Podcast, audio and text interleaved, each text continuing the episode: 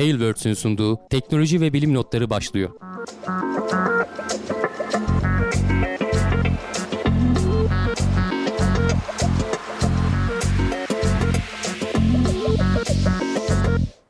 Teknoloji ve bilim notlarına hoş geldiniz. İlk defa canlı yayında karşınızdayız. Teknoloji bilim notları olarak canlı yayında karşınızdayız. Daha önce Tekno Seyir'de de yaptık. Ee, Cevdet e, Gelecek Bilim'de de bayağı bir canlı yayın yaptı. Zaten onlar tamamen canlı yayın üzerine kurulu. Geçen hafta bahsetmiştik. Belki son bir kere daha stüdyo ortamında çekeriz demiştik ama e, sen Hollanda'ya dönmek durumunda kaldın. Evet. Hatta daha bugün gittin ayağının tozuyla. Bugün döndüm. evet. Aynen. Ee, seni yayına almış olduk. Ee, bakalım yani değişik bir şey deniyoruz aslında. Benim için tabii değişik bir şey. Ee, canlı yayınlar her zaman zor olur. Biraz daha e, izleyiciyi de işin içine katmak istiyoruz e, yorumlarla vesaireyle. Ama tabii ki hani ana ağırlık gene o hafta değerlediğimiz video şeylerden olacak, haberlerden olacak. Ee, belki haberlerin hani bir ikisini azaltarak e, yorumlara da belki olur olursa sorulara da e, yer vermeye çalışacağız. E, istersen başlayalım. Senin bir duyurun yoksa. İstersen başlamadan önce şeyden bahset. E, Gelecek Bilim'de de e, geçen hafta da biraz anlattın ama hani bu hafta sizin farklı farklı programlarınız var aslında. Hı hı. E, çok kısaca onlardan bahsedersen sonra haberlerle başlayalım. Evet. Ben çok mutluyum. Öncelikle onu da söyleyeyim Hamdi abi. Uzun zamandır planladığımız bir şeydi. Ee, bir şey hakikaten şey gibi hani bir, bir şey deniyoruz. Bir dakika bir bir şey deniyoruz gibi oldu. Ee, çünkü canlı olmasının artıları var. Çok ufak eksileri de olsa artıları daha büyük bastı bizim için. Ee, yeni bir sezon gibi bir şey oldu. İnşallah güzel gider. Şimdilik izleyicilerimiz de memnun. Biz Gelecek Bilim'de kanalında bunu Twitch'te yapıyoruz ama normal yani normal teknoseyirden ben canlı izlemeyeceğim. Ben offline izleyeceğim ve işte podcast dinliyorum diyenler için aslında bir şey değişmiyor değil mi? O, o kısım sabit. Tabii, tabii. Onu bir söyleyelim. Yani sponsor videosuna kadar sabit. Az önce gördüm evet. öyle başladık. Aynen. ee, o şekilde. Bizim tabii teknoloji bilim notlarını burada izleyenlerin dışında başka günlerde başka programlar da bulabilirler. Çarşamba günleri oyun programlama öğretiyor Özkan'da. Ee, Perşembe günleri iki haftada bir bunlar. İki haftada bir perşembe oyun programı, çarşamba. Oyun programlama iki haftada bir perşembe. Müzikoloji yayınımız var. O da zaten şu an bizlerle. E, Soykan Soner. E, arada ben yayın açabildiğim zaman, zaman buldukça yayın açtığım zaman Twitch psikoloğu yapıyorum. O gü- günkü aktüel konuları psikoloji çerçevesinden değerlendiriyorum. Bazen ağır böyle üniversite psikoloji dersi konuları varsa onu her şeyin psikolojisinde anlatıyorum. O böyle dizi gibi birinci ikinci sezonu var. Onlar daha böyle derslik arşivlik e, videolar. Burak Çankaya ile kurduk zaten bu e, Gelecek Bilim'de platformunu. Onun e, mühendislik videoları var. Kendi iş hayatından deneyimlerini anlatıyor.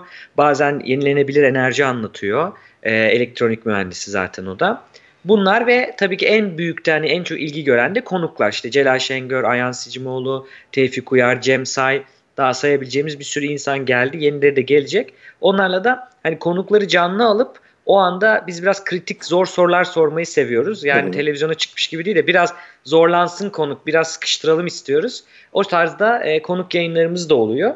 Bir de İngilizce kanalımız var. Uluslararası takip etmek isteyenler de onu aşağıda linkine basabilirler.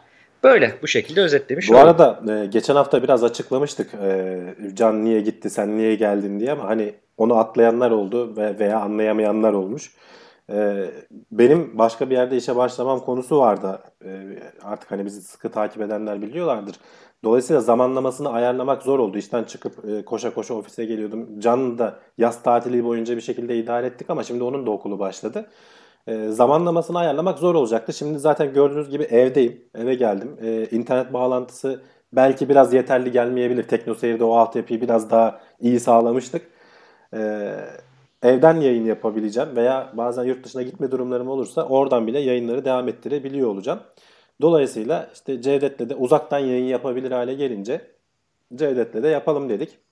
Ee, senin de işte canlı yayın te- tecrüben var zaten şu OBS'i falan kullanmayı sen öğrettin bana geçtiğimiz hafta içerisinde. Ee, bakalım. Bence evet. çok da değişen bir şey olmayacak.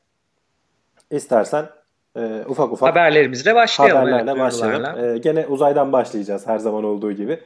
Evet. Ee, son kaç seferdir konuşuyoruz artık. Geçen seneden beri konuşuyoruz. Hayabusa 2'den sürekli bahsediyoruz. Japonların e, Ryugu, Ryugu göktaşına giden uzay aracı.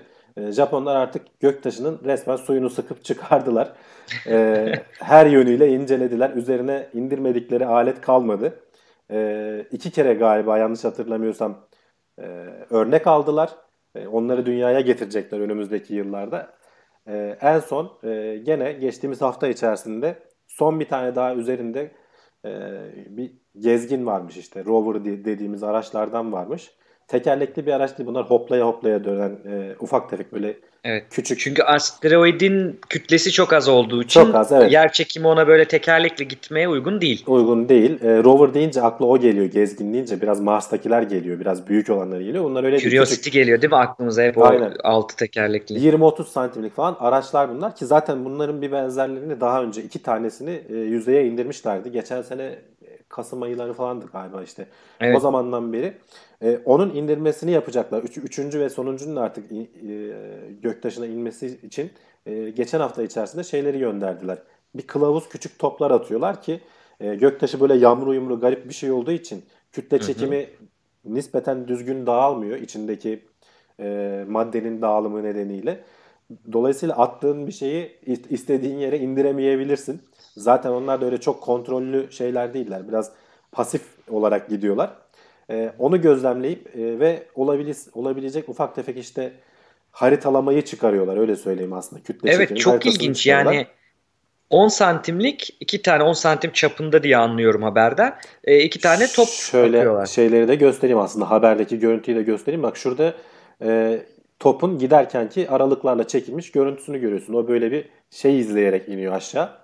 E, yörünge izleyerek iniyor ve yüzeyde sonuçta kalıyor. Parlamaya devam ediyor. Hem ileride indirecekleri araç için bir kılavuz olmaya devam edecek. Hmm. E, o araçlar da çok uzun süre çalışmıyor zaten. Dediğim gibi birkaç kere yüzeyde görüntü alıyor, örnek alıyor. E, örnek alıyor dedim e, fotoğraf falan anlamında hani bir parça toplamıyor. Sonra kendini hoplatan bir mekanizması var. Kendi ataletiyle bir şekilde içinde çalışan. Hoplayıp başka bir yere gidiyor. E, gene birkaç kere şey yapacak, örnek alacak. Ama asıl önemli olan gelecek sene e, 2020 yılında galiba gene bu, bu zamanlarda şimdi tam net zamanını hatırlamıyorum. Dünyaya dönecek olan örnekler. Ee, evet. Hani görevin başındaki adam diyor ki 0.1 miligram örnek bile alsak biz yapacağımız testleri yapabilecek durumda olacağız ama evet. hani umarız e, da, çok daha fazla örnekle dönmüş olacak diyorlar. Ama en azından evet. 0.1 gramlık bir örnek bize yeterli olacak diyorlar. Artık dediğim gibi hani Japonlar e, Ryugu'nun suyunu sıktı başka da bir şey kalmadı herhalde. Hakikaten alınabilecek ya bu indirilen şeylerde de şurada e, yazıyordu yani işte te, klasik o termometre, ivme ölçer bir sürü gene tabii, şeyler tabii. var o indirdikleri şeylerde de.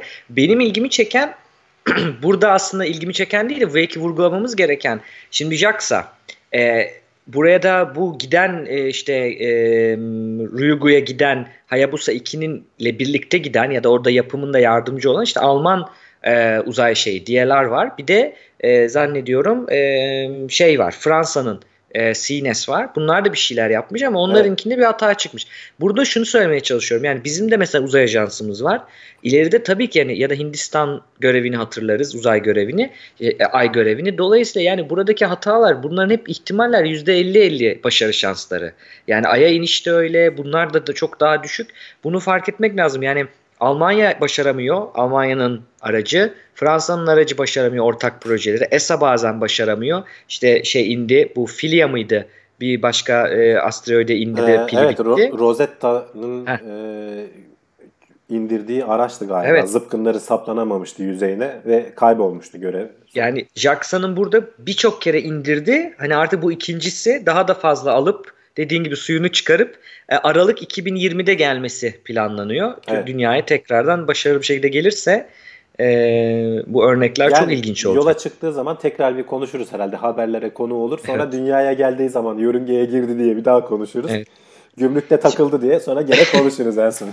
Şimdi siz önceki bölümlerde konuşmuştun Hamdi abi ama belki ilk defa duyanlar için onu sorayım sana. Bir orta sorusu açayım yani aslında da.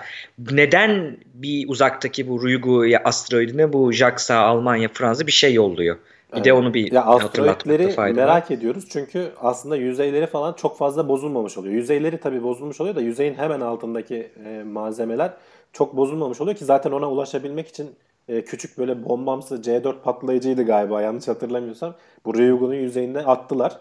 E, Ee, ki bir krater açılsın içeriden temiz bozulmamış örnekleri alalım.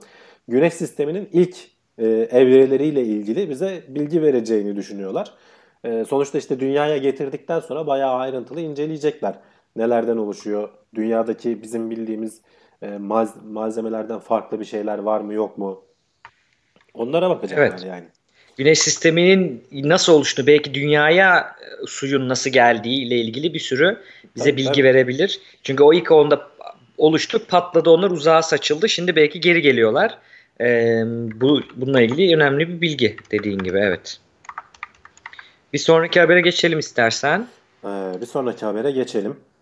Değişik bir haber bu. Birazcık korkutucu bir haber. Ya geçen hafta aslında hani son dakika olarak geldi. Rus Virüs Araştırma Merkezi'nde meydana gelen bir patlama işte hemen akıllara şeyi getirdi.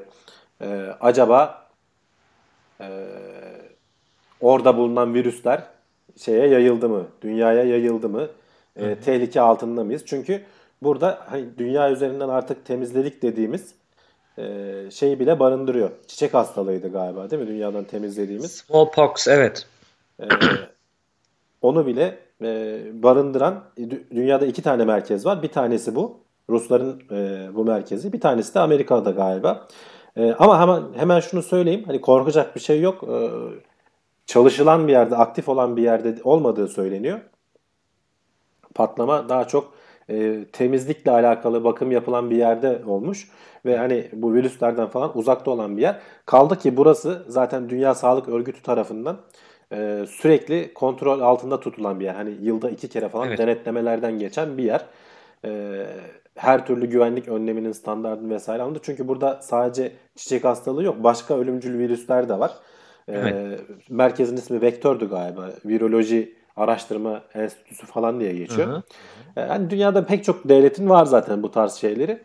E, buralar hani dediğim gibi sürekli gözetim altında kolay kolay bir şey olma ihtimali yok. E, ama sonuçta biyolojik e, silahlar e, veya silahlaştırmaya müsait şeyler, biyolojik yapılar. Hatta biz geçtiğimiz şeylerde haftalarda konuşmuştuk. Bir TED konuşmasına ben denk gelmiştim. E, insanlık belki kendini yok edecekse bunlardan biriyle olacak. Hani çünkü nükleere vesaireye falan ulaşmak kolay değil. İşte bu CRISPR falan gibi tekniklerle gen oynaması falan çok kolaylaştı. Çok çok daha aşağı seviyelere indi. Hani eskiden belki büyük araştırma enstitüleri gerekiyordu. Şimdi doktora öğrencilerinin seviyesine kadar indi deniyor. İleride hatta işte yapılan projeksiyonlarda Hatta bir adam kendi kendine CRISPR yapıp enjekte etmişti Ha, falan öyle öyle. bio- biohacker diyorlar kendilerine. Öyle adamlar Evet. da var. Ee, bilmiyorum hani ne kadar mantıklı. Ee, sonuçlarını şimdi- kendi üzerinde deniyor. Hani bir şey de diyemem açıkçası Evet. ama. Ya etik olarak o biraz e, özellikle kendi üzerinde belki de deniyor ki etik olarak ya da hukuki olarak orada boşluktan yararlanıyorlar.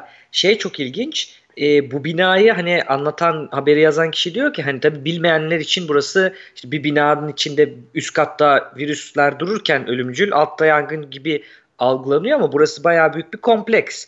Bu kompleksin oradan uzak bir tarafında bir e, zaten bir inşaat bir şey var. Re- reno- renovasyon var, restorasyon var. O sırada onun içerisinde çıkan bir şey ve e, çok da büyük böyle bir yer değil. Hani an- sadece 30 metrekare bir alanı e, yakmış. Bu da çok ilginç. Bir de çok e, bir, espri kişi, bir kişi yapıyor ama hastaneye kaldırılmış ama. ha, bir kişi evet bir kişi yaralanmış. Şimdi e, hem o benim ilgimi çekti. Hani oradaki açı- bakış açımız. Bir de şu var. E, dünyada e, dediğin gibi Dünya Sağlık Örgütü bu virüsün yani smallpox işte e, çiçek hastalığına yol açan variola virüsünün e, bir iki yerde bir Amerika'da e, Atlanta'da bir CDC'nin bu vardır ya bu hemen Hı hı.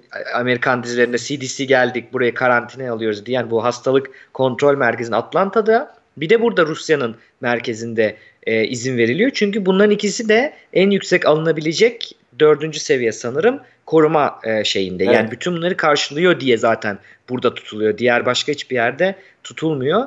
E, bu da çok ilginç aslında bir konu. Bir de şeyi düşünmüşler. Yandığında orada olsaydı o virüsler hayatta kalır mıydı? Tabii Hani- yani sonuçta sıcak ortamda cayır cayır yanıyorsun. Yani Evet. canlılığı her ne kadar tartışılsa da virüsün bayağı dirençli olsalar da hani 200-300 derece sıcaklıklara dayanamıyorlar tabii ki. Ee, yapıları bozuluyor. Sonuçta o DNA yapısı bozuluyor onların da. Ee, yangının olduğu yerde bir virüs tehlikesi olsa hani belki ilk başlarda olan böyle dumanın etkisiyle falan hani havaya karıştı uçtu falan desen onlar da o kadar kolay değil. Gidip de bir konak bulup da kendisini işte hastalık yapacak hale getirmesi vesairesi. Evet. Biraz tabii medya bu tarz şeylerin üzerine atlamayı seviyor. Ee, tıklama çalan Bu haber haberler. de biraz ona yani bir sakin olun durun hani biraz o yüzden o yanına odaklanmış Çeviri- yoksa çeviri tehlike hataları- yok demiyor. çeviri hatası falan da olmuş zaten. Ee, işte cam bir tane cam kırıldı diyormuş Rusça versiyonunda.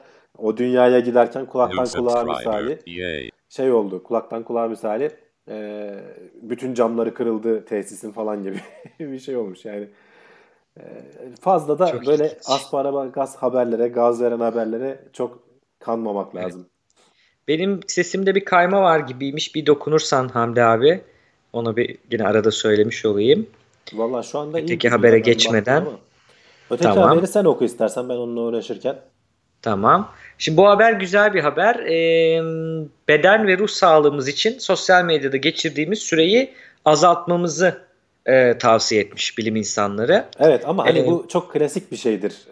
Heh. bilgisayar şey bilgisayardan işte camdan televizyondan uzak durun.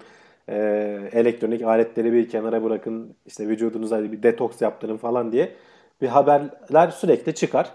Ee, bu da öyle bir şey mi yoksa bunun bir altyapısı var mı? Şimdi evet bu benim araştırdığım da bir konu. Tesadüfen haberi görmemiştim ben. Ee, bu pazartesi de Leiden Psychology blog'da bununla ilgili tam bu konuyu ele alan yani sosyal medyayı kullanmayın demiyorum ben de şöyle diyorum nasıl kullanmamalıyız? Kullanalım ama nasıl kullanmamalıyızı anlatan bir blog yazısı var. Onun da linkini koydum. Arkadaşlar bakarlar. Ee, tam onunla ilgilenirken çıkması güzel oldu. Daha kritik bakabildim habere. Şimdi şöyle bir şey var. 2 yıl boyunca 5200 küsür yetişkin katılımcıyı incelemişler e, yap davranışlarını. Fakat normalde bu tarz e, hani sosyal medya olur, uyku olur, bu tarz davranış araştırmalarında hele ki böyle büyük çaplıysa şey yapılmıyor. Hani gidip bir yerde test edilmiyor da kişilerin kendi beyanlarına bakılarak yapılıyor. Hı. Öz- Genelde app'ler kullanılıyor bununla ilgili. İşte ben diyor ki bugün kaç kaç saat sosyal medyaya girmişsindir. Sen kendin bildiriyorsun. Fakat biz başka çalışmalardan biliyoruz ki bu insanların kendi söylemleri oldukça e, subjektif, oldukça değişken, gününden gününe farklılık yaratan. Yani o gün çok zevk almıştır. Ona kısa uzun kısa gelmiştir. Çok sıkılmıştır sosyal medyada. Uzun gelebilir. Yani tahmini verdiği aldığın için. dataya güvenemiyorsun. Evet, güvenemezsin. Çünkü orada başka noktalar da var. Mesela bizim sosyal istenirlik yanlılığı öyle çevriliyor. Biraz şey bir çeviri. Social desirability bias diye geçer ararlarsa. Sosyal istenirlik yanlılığı dediğimiz bir şey var. Yani birisinden sen bir bilgi istiyorsan şunu kimse demez. Ya arada ben halüsinasyon görüyorum. Bunu kolay kolay kimse demez. Ya da anladın mı? Yani ya da ben işte son kaç kere ya, en son ne zaman yalan söylediniz ya da kaç kere yalan söylediniz. Şimdi kimse söylese bile onu diyemez yani çok yalan söylüyorum demez. Çünkü okun okunacağını biliyor onların.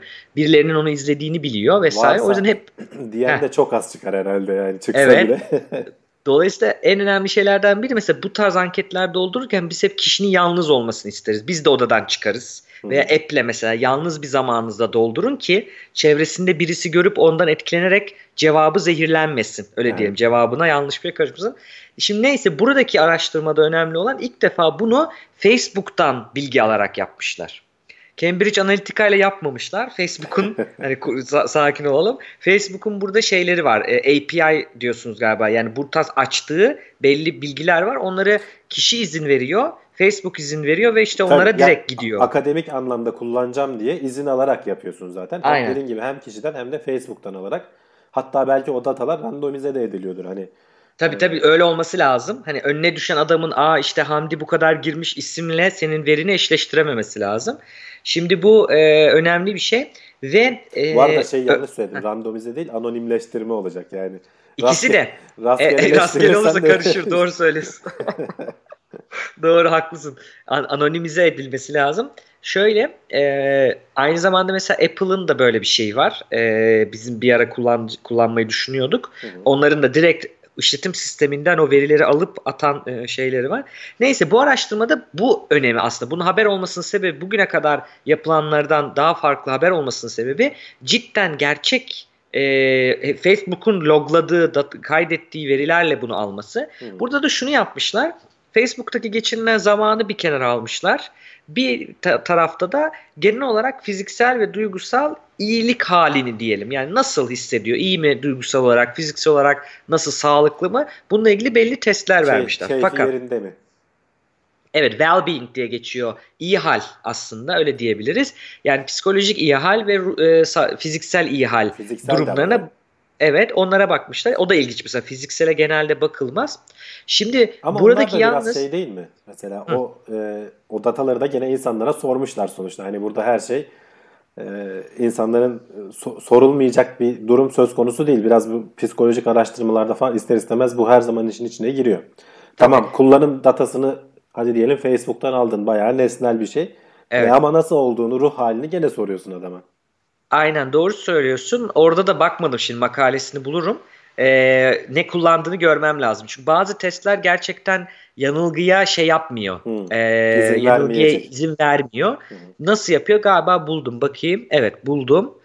Ee, açık mı herkese? Ee, yok galiba. Makale şimdi indiremiyorum şeyle kütüphaneden indirmem lazım da. Yani şöyle e, uygulanan testler ona dikkat etmişlerdir diye düşünüyorum. Orada yanlışlanamayacak testler var. Yani araya bir iki tane sahte soru koyuyor.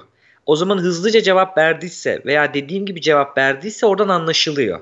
Ee, öyle söyleyeyim kısaca. Şimdi burada benim altını çizeceğim bir şey var. Evet iki şeye dikkat etmeli arkadaşlar böyle bir haberi okurken. Bir, bu Facebook için söylenmiş. Hani geçen e, bölümde dedik ya beyin şeyini e, kuşları fark etmeye çalışıyorsan kuşları geliştirirsin. Hmm. Bu da öyle. Facebook kullanımıyla bir sorun bulduysa bu Facebook içindir. Instagram için ya da ne bileyim başka sosyal mecralar için geçerli diyemeyiz buna. Bir onu söyleyeyim. Ama bence mesela hani yorum yaparsak tamam bilimsel olarak diyemeyiz ama büyük ihtimalle de geçerlidir. Diyebilirim ben hani kişisel fikir Orada olarak. kişisel fikir olarak diyebiliriz ama biz makalede yazarken asla hani sosyal medya Hı hı. diye onu diyemezsin.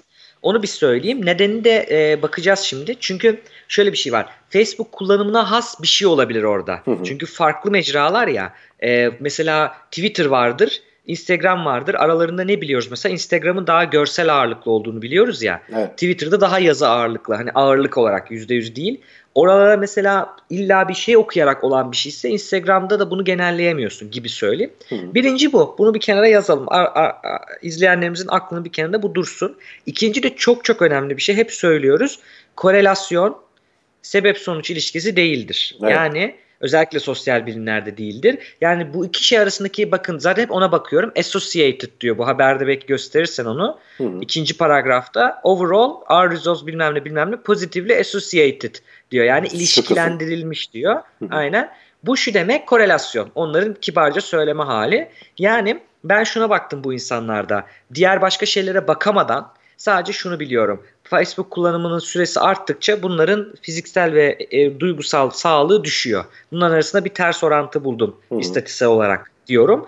Ama burada hep dikkat etmemiz gereken ters orantı çıkanlar tesadüf o ya. Ters orantı çıkanlar o anda bir şey yaşamış olabilir. Başka bir şey yaşamış olabilir. O zaman korelasyonda biz bunu kontrol edemiyoruz. O yüzden şey diyemiyorum yani. Mesela şunu bile diyebilirim o zaman bu veriyle. Adamın morali bozuk olduğu için Facebook'ta daha çok zaman geçirdi de diyebilirim. Hı. Çünkü buradaki ilişkinin yönü belli değil korelasyonda. Hı. Hangisi hangisine sebep oluyor belli değil. O şekilde söyleyeyim ama genel olarak makale yani haberin geneli diyor ki hani buraya dikkat etmekte fayda var. Sonunda demiş ki ne yapmalıyız? Tamam hepimiz ben çocukluğumdan beri bilgisayar kullanıyorum. Çocukluğumdan beri bana birileri diyor ki işte o kadar iyi değil fazlası zarar. Sen daha da hani buna maruz kalmışsındır. Dolayısıyla e, ne yapmak lazım? Ne yapmak lazımla ilgili çok uzun geçmeyeyim ama attığım verdiğim blog linkinde var detaylı olarak anlatıyorum.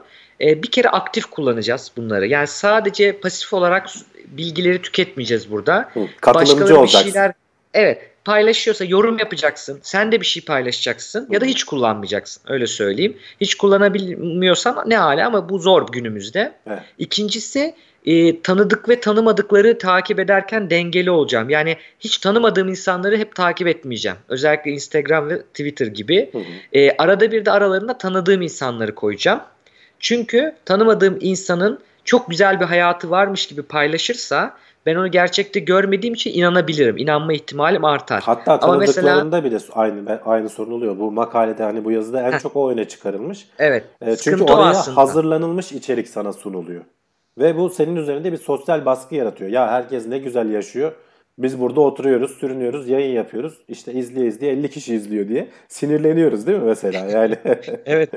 Yani şey çok önemli orada. Ee, dediğin gibi temel mantığı yani bilim insanlarının evet sosyal medya zararlı ama nasıl zararlı dediğinizde açıklayabildiğimiz en temel en büyük şeylerden bil, iyi bilinen bu. Bir de bunların daha çok Facebook'ta olması sebebi Facebook çok uzun zamandır buralarda. Bilimde böyle bir şeyin adam akıllı bir sonuç verip hani zararlı yararlı diyebilmemiz için bayağı bir zaman araştırma yapmak gerekiyor ya. Şimdi Facebook bunların arasında herhalde 10 yılı geçti diye biliyorum evet. buralarda. Daha biliniyor açıdan. Yani daha çok çalışma yapılıyor. Şimdi orada dediğin gibi ben seçici olarak iyi hallerimi koyuyorsam sosyal medyaya bütün takip ettiklerimde bunu koyuyorsa sen evde moralin zaten böyle yağmur yağıyor moralin bozmaya yakın bir açıyorsun bir bakıyorsun Hamdi, Hamdi abi gitmiş işte eğleniyor işte Murat abi inceleme çekiyor elinde pahalı laptop sallıyorum şimdi tamamen. İşte Cevdet Hollanda'da bunları koyduk ortaya. Biz çünkü iyi şeyleri paylaşıyoruz. Kötü şeyleri paylaşmıyorum. Hani, ya az önce dedin e, ya kimse ben depresyondayım ya da ara ara halüsinasyon görüyorum demez yani. Aynı şey sosyal medya için de geçerli. Araştırmada kimse evet. çıkıp da kendine e, sosyal medyada küçük düşürecek bir şeyi paylaşmıyor ister istemez veya hayatının çok zaten içinden gelmiyor. Paylaşmak istemiyor aslında bir yandan evet. da belki. Evet. Ee, çok dediğin gibi aynı şekilde bak şey demiş ki hemen onu buraya bahsedeyim. Protestosteron izleyicimiz kadere söverek story izlemek demiş yani. Tam olarak o. Hani yani ana ana sebep bu. Nasıl korunacağız? Aktif kullanacağız. Ee, tanıdık tanımadıkları dengeli yapacağız. Bir de bağımlılık oluyor mu? Yani siz normal şartlarda kullanıyorsunuzdur ve bağımlılık riski de yoktur. Yani nedir? Bırakabiliyorsunuzdur. İşiniz olduğu zaman bırakıyorsunuzdur da boş zamanda bakıyorsunuzdur. Yani otobüs beklerken boş kaldığınızda bakıyorsunuzdur ama özellikle gideyim de bakayım, oturayım da şu işi bitireyim de buna bakayım gibi bir hale gelmediyse basitçe anlatıyorum tabii. Hı. Bu şekilde bunu detaylı merak eden arkadaşlar çünkü bu haber onu tam anlatmıyor öyle söyleyeyim. Habere şimdi bir kötü bir şey söylemiş olmayayım ama bir iki hata var şeyle ilgili bağımlılık tanımı ile ilgili bu demin anlattığımız korelasyonla ilgili e, detaylı merak edenler varsa internette okusunlar. E, Türkçe olarak da biz 2015'te TeknoSeyir'de tam bunun videosunu yaptık. Murat abiyle yapmıştık. Sosyal medya bağımlılığı diye. Onu ararlarsa TeknoSeyir YouTube kanalından bakabilirler. Aynı şeyler hala geçerli diyorsun. Üç aşağı beş yukarı geçerli. Aynen öyle söyleyebilirim. Özellikle ya, korunma yolları aynı. Ben geçmişte hani şeyle ilgili araştırmalar da görmüştüm ya da yanlış hatırlıyor olabilirim daha doğrusu hani araştırma okuduğumdan değil de haberlerini görmüştüm. E, bu sosyal medyanın tehlikeli olabileceğini uyaranlara karşı ya aslında bunun faydası olduğunu söyleyenler de var. Hani bu insan sonuçta hani hep söylüyoruz sosyal bir varlık e, paylaşmak istiyor, birileriyle birlikte olmak istiyor. Tamam bunun fiziksel olarak olması çok daha önemli, çok daha etkili. Aynı ortamda bulunmak vesaire falan ama e, hiç yoktan e, internet ortamında bir şekilde bunun olması da iyidir diyenler var ama bu yazıda mesela haberde şeyden bahsediyor. Ya bu bir yanılsama oluşturuyor. Aslında hiç iyi olmuyor. Sen paylaştığını zannediyorsun. O ihtiyacını karşıladığını düşünüyorsun. Ee, evet. Ama aslında yalnızlığın devam ediyor. Sence hangisi ee, geçerli? Şöyle söyleyeyim, e, biraz kaçak cevap vereyim her zaman psikologların yaptığı gibi. Şöyle, Sen ne düşünüyorsun diye soru sorarak geri. aynen öyle diyormuşum değil mi? Aa, çok ilginç bir duygu falan. Şöyle e, bazı araştırmalarda da onlara baktım ben de bu şey yazarken o yüzden taze e, yararları da çok var. Çünkü şöyle düşün mesela ben şimdi e, arkadaşlarımdan uzaktayım Hollanda'dayım tamam burada da bir çevrem var ama onlarla nasıl iletişime geçeceğim? Ya da hiç onu bırak işte e, bir e, şehirdesin biz akrabalarımızı göremiyoruz arkadaşlarımızı göremiyoruz çok yoğun çalışıyor insanlar. Burada sosyal çevreyin çevreyi sanal olarak yani sanal bir sosyal çevreyi genişletmek gibi bir şey yarattığını söylüyor. İki, e, extended connectedness diyorlar. Yani bağ, bağlısın uzatılmış şekilde bağlısın. Yani birileriyle yine kendini bağlı hissediyorsun. Mesela yalnızlık araştırmalarında en çok bulunan şey şu. Yalnız olmakla yani bildiğin fiziksel anlamda objektif olarak yalnız olmakla yalnız hissetmek arasında büyük fark var. Hmm. Ve yalnız olabilirsin fiziksel olarak. Hiç kimse yoktur yanında. Tek başına yaşıyorsundur. E, bu sağlığını etkilemez. Çünkü sen şöyle diyebilirsin. Yalnızım evet fiziksel olarak yalnızım ama işte bağlanıyorum, konuşuyorum, ediyorum. Kendimi yalnız hissetmiyorum diyebilirsin. Ve bu yalnız hissedip hissetmemenin ne bileyim kardiyovasküler sağlık üzerinde, beyin sağlığı üzerinde direkt etkileri bulundu. Yani o kadar güçlü bir şey ki biyolojik etkileri evet, var evet. bize. E, o çok önemli. Bu o hissi veriyor. Ama dediğim gibi hep o. Yani sosyal medya kötü iyi değil. Biz onu nasıl kullanıyoruz? Biz onu pasif olarak tüketici olarak hani Netflix izler gibi izliyor muyuz? Yoksa YouTube'da öyle. Yani YouTube'u mesela sadece izliyor muyum eğlence olarak? Arada bir şeyler de öğreniyor muyum? Kendim arayarak buluyor muyum? Belki YouTube'a arada bir ben de video atıyor muyum? Hı hı. Çünkü o zaman aktif olarak kullanmak e, dediğin gibi yararı da olabilir. Benim görüşüm aslında o yönde. Ben de aşağı yukarı aynı şekilde düşünüyorum zaten. Aktif olduğun zaman, katılımcı olduğun zaman ki ben hiç beceremiyorum aslında. Ben senin dediğin tam tüketici şeklinde 40 yılda bir anca tweet falan Evet. atarak şey yapıyorum Ama, ama, senin Murat abinin ve Levent abinin şöyle bir farkı var. İş için kullandığınız için özellikle Murat abi o aslında tam bir aktif kullanım. Hı. Çünkü mesela Murat abi kendisi bir şey paylaşsa da hep teknoseyre bağlı paylaşıyor Hı. hatırladığım kadarıyla. Yani hiçbir zaman ben bunu yaptım kendi özelinde bir şeydi. Çay bile varsa onu işte bir fotoğraf Murat'ı ve takip incelemesiyle edersen yapıyor. e, kendi özelinde de şeyler paylaşıyor canım. Hani Ha paylaşıyor? Kad- pardon. Ka- Kadıköy'de kapalan, açılan dükkanları her gün takip edebilirsin. Yani Murat'ın O özel, doğru, evet. özel ilgi alanı yani. O doğru o, o, o farklı ama yani şey önemli. Bazen hani sadece ben iş için bakıyorum ve bugün yayın var, şu gün yayın yok, onun duyurularını yapıyorum diye bakanların da aslında bir tık korumadalar. Çünkü bekledikleri bir şey yok sosyal medyadan. Yani orada başkalarına bakmıyor bile. Girip paylaşıyor, kapatıyor. Hı. Hani kimin ne dediğine çok fazla bakmadan e, yapanlar var. O açıdan bir tık korumadalar diyebilirim. Herhalde O onlar açıdan. da azdır diye düşünüyorum. Çünkü bazen de hani attığın bir şeylere o kadar çok boş yorum geliyor ki ben şey diye düşünebilirim. ya insanlar hani nasıl bu kadar boş şeyler yazabilir? Hiç mi bunların zamanları boşa gitmiyor vesaire gibi bir düşünceleri yok diye düşünüyorum. Ee, o, o bilmiyorum. O tam araştırmaya muhtaç bir konu bence. Onu da aslında konuşmuştuk. Yorum özelinde konuşmadık ama hani şeyi hatırlarsan internet Zorbalık mıydı, saldırganlığını İnternet zorbalığı Evet. mıydı? Öyle bir şeydi. İnternet zorbalığı ve saldırganlığı yani onu saldırganlık diye çeviriyoruz. Hı hı. Yani aşağı gelip kötü yorum yazmak diyelim ya da dislike'a basmak. Ee, o çok bizim özellikle ülkemize kanayan bir yara. Onun sebeplerini yine o videoda var. Oraya yönlendirelim meraklılarını. O şekilde e, onun da sebepleri var ama hala çözülmüş bir şey değil. Hı.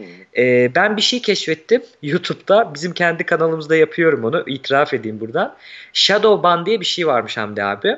Birisi geliyor troll yazıyor. Eğer hakikaten haklı bir eleştiri değilse, çok boş bir şeyse, e, yani bizi kötülemesi önemli değil ama hakikaten boş bir şeyse shadow ban yapıyorum. O da şu yapıyor. Kendisi banlandığını fark etmiyor. Hala Konuşuyor. yazıyor.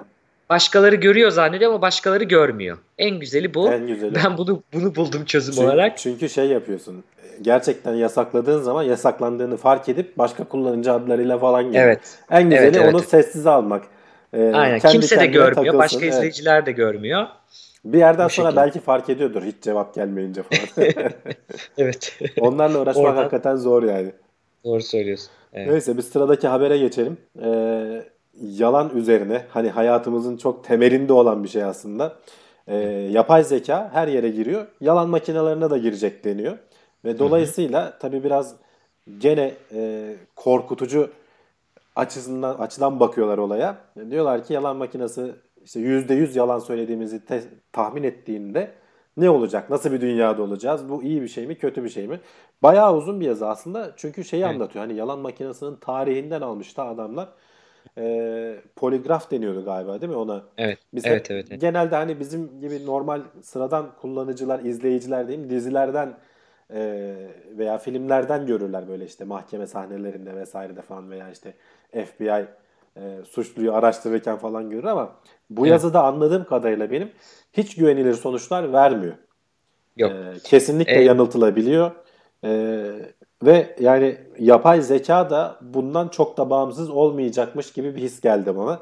Tamam belki hani klasik yalan makinesinden daha iyi olacaktır ama yanıltılmaya her zaman müsait olacak. Evet. E, poligrafın o evet yazı bayağı uzun bir yazı. İsteyenler hani bakabilir. Tarihi işte o icat eden adamın adam aynı zamanda hem polis hem de sanıyorum mühendislik okuyor. Evet doktora Ee, falan okulda yapan da- bir adam yani. Evet yani bu lazım diyor bir bir vaka için bir böyle davayı çözmeleri için gerekli oluyor ve bunu yapıyorlar. Ee, çok ilginç bir şey ama o zaman onu çözdürüyor. Fakat şunu bulmuşlar özür dilerim şunu bulmuşlar Ee, bakıldığı zaman bunun başarı şansı %50'ye çok yakın.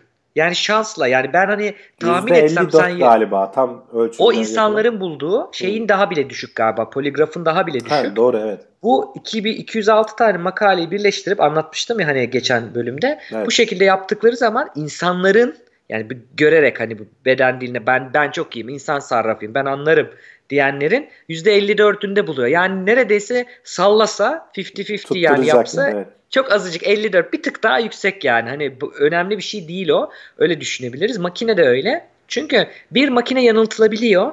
E, iki ölçümünün arkasında yatan teoriler şey değil öyle anlatayım yani psikolojik olarak şeyi bilmiyoruz ki biz çok büyük hani çok iyi araştırmalarla bilirim ki ben evet yalan söylediğinde her zaman beynin şu bölgesi aktif yani bunun bir açıklaması yok. Evet. Şuradan yola çıkıyor diyor ki yani yalan söylediğinde insan normalde yapmadığı bir şey yaptığı için ve bunun ortaya çıkacak korkusu duyduğu için bunun bazı fizyolojik reaksiyonları olur vücutta kaç savaş tepkisiyle beraber. Bunları alırız diyor mesela. Bunlar Fakat gerçekten de sonuçlara varsayım, yansır diyor değil mi yani? Yansır diyor. Altında yatan mantık bu. Fakat hep diyorum ya işte ben sosyal bilimin ya da psikolojinin zorluğu insan öyle bir şey ki bunu dediğin anda tam tersini yapacak, inadına yapacak biri. Veya evet. o gün başka bir şey olur yapamaz. Yani çok kaotik ve birçok şey etkiliyor. Dolayısıyla bazı insanlar mesela yalana o kadar alışkın ki bunu yanlış bir şey görmüyor. Ya da bunun için eğitilen mesela şeyler var. Öyle bir adamı atıyorlar poligrafla içeriye. Adam bu sefer inat ediyor. İşte içerideki hücre arkadaşlarını da öğretiyor. Hepsi makineyi yalan şey yapıp kandırıp çıkabiliyorlar yani falan. Şeyler de var. Kandırmalarının yöntemi de şu. Bir bir kere çok hani herkesin aklına ilk şey geliyor. Çok sakin kalacaksın geliyor. Ee, ama aslında e, hani sakin kalmak tekniklerden bir tanesi ama şey yapmak da tekniklerden bir tanesi.